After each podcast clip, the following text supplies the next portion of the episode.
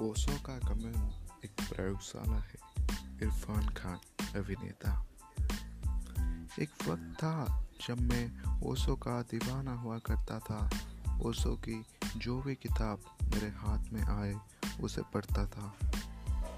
मैं ओशो के ऊर्जा केंद्र में भी रह चुका हूँ।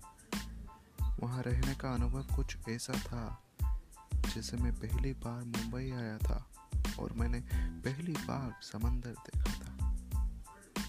वह अनुभव सम्मोहक था उसमें एक बुलावा था और थी एक विराट था। मुझे ऐसा महसूस हुआ जैसे मेडिटेशन रिसोर्ट एक पाठशाला है, जहाँ इंसान खुद के बारे में सीख सके।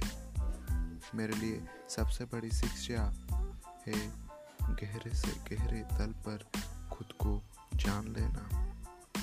उससे एक स्वतंत्रता और अनुशासन मिलता है।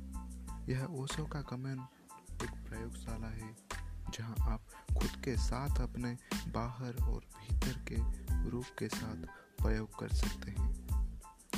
मानो हमाम में जाकर कोई अपने पुराने संस्कारों की धूल को धो डाले और साफ़ सुथरा हो करने के लिए यह एक उपजाऊ मशीन है, जहाँ पर आपके अंदर का बीज बोया जाता है और आप उसके अंकुरित होने का इंतज़ार कर सकते हैं।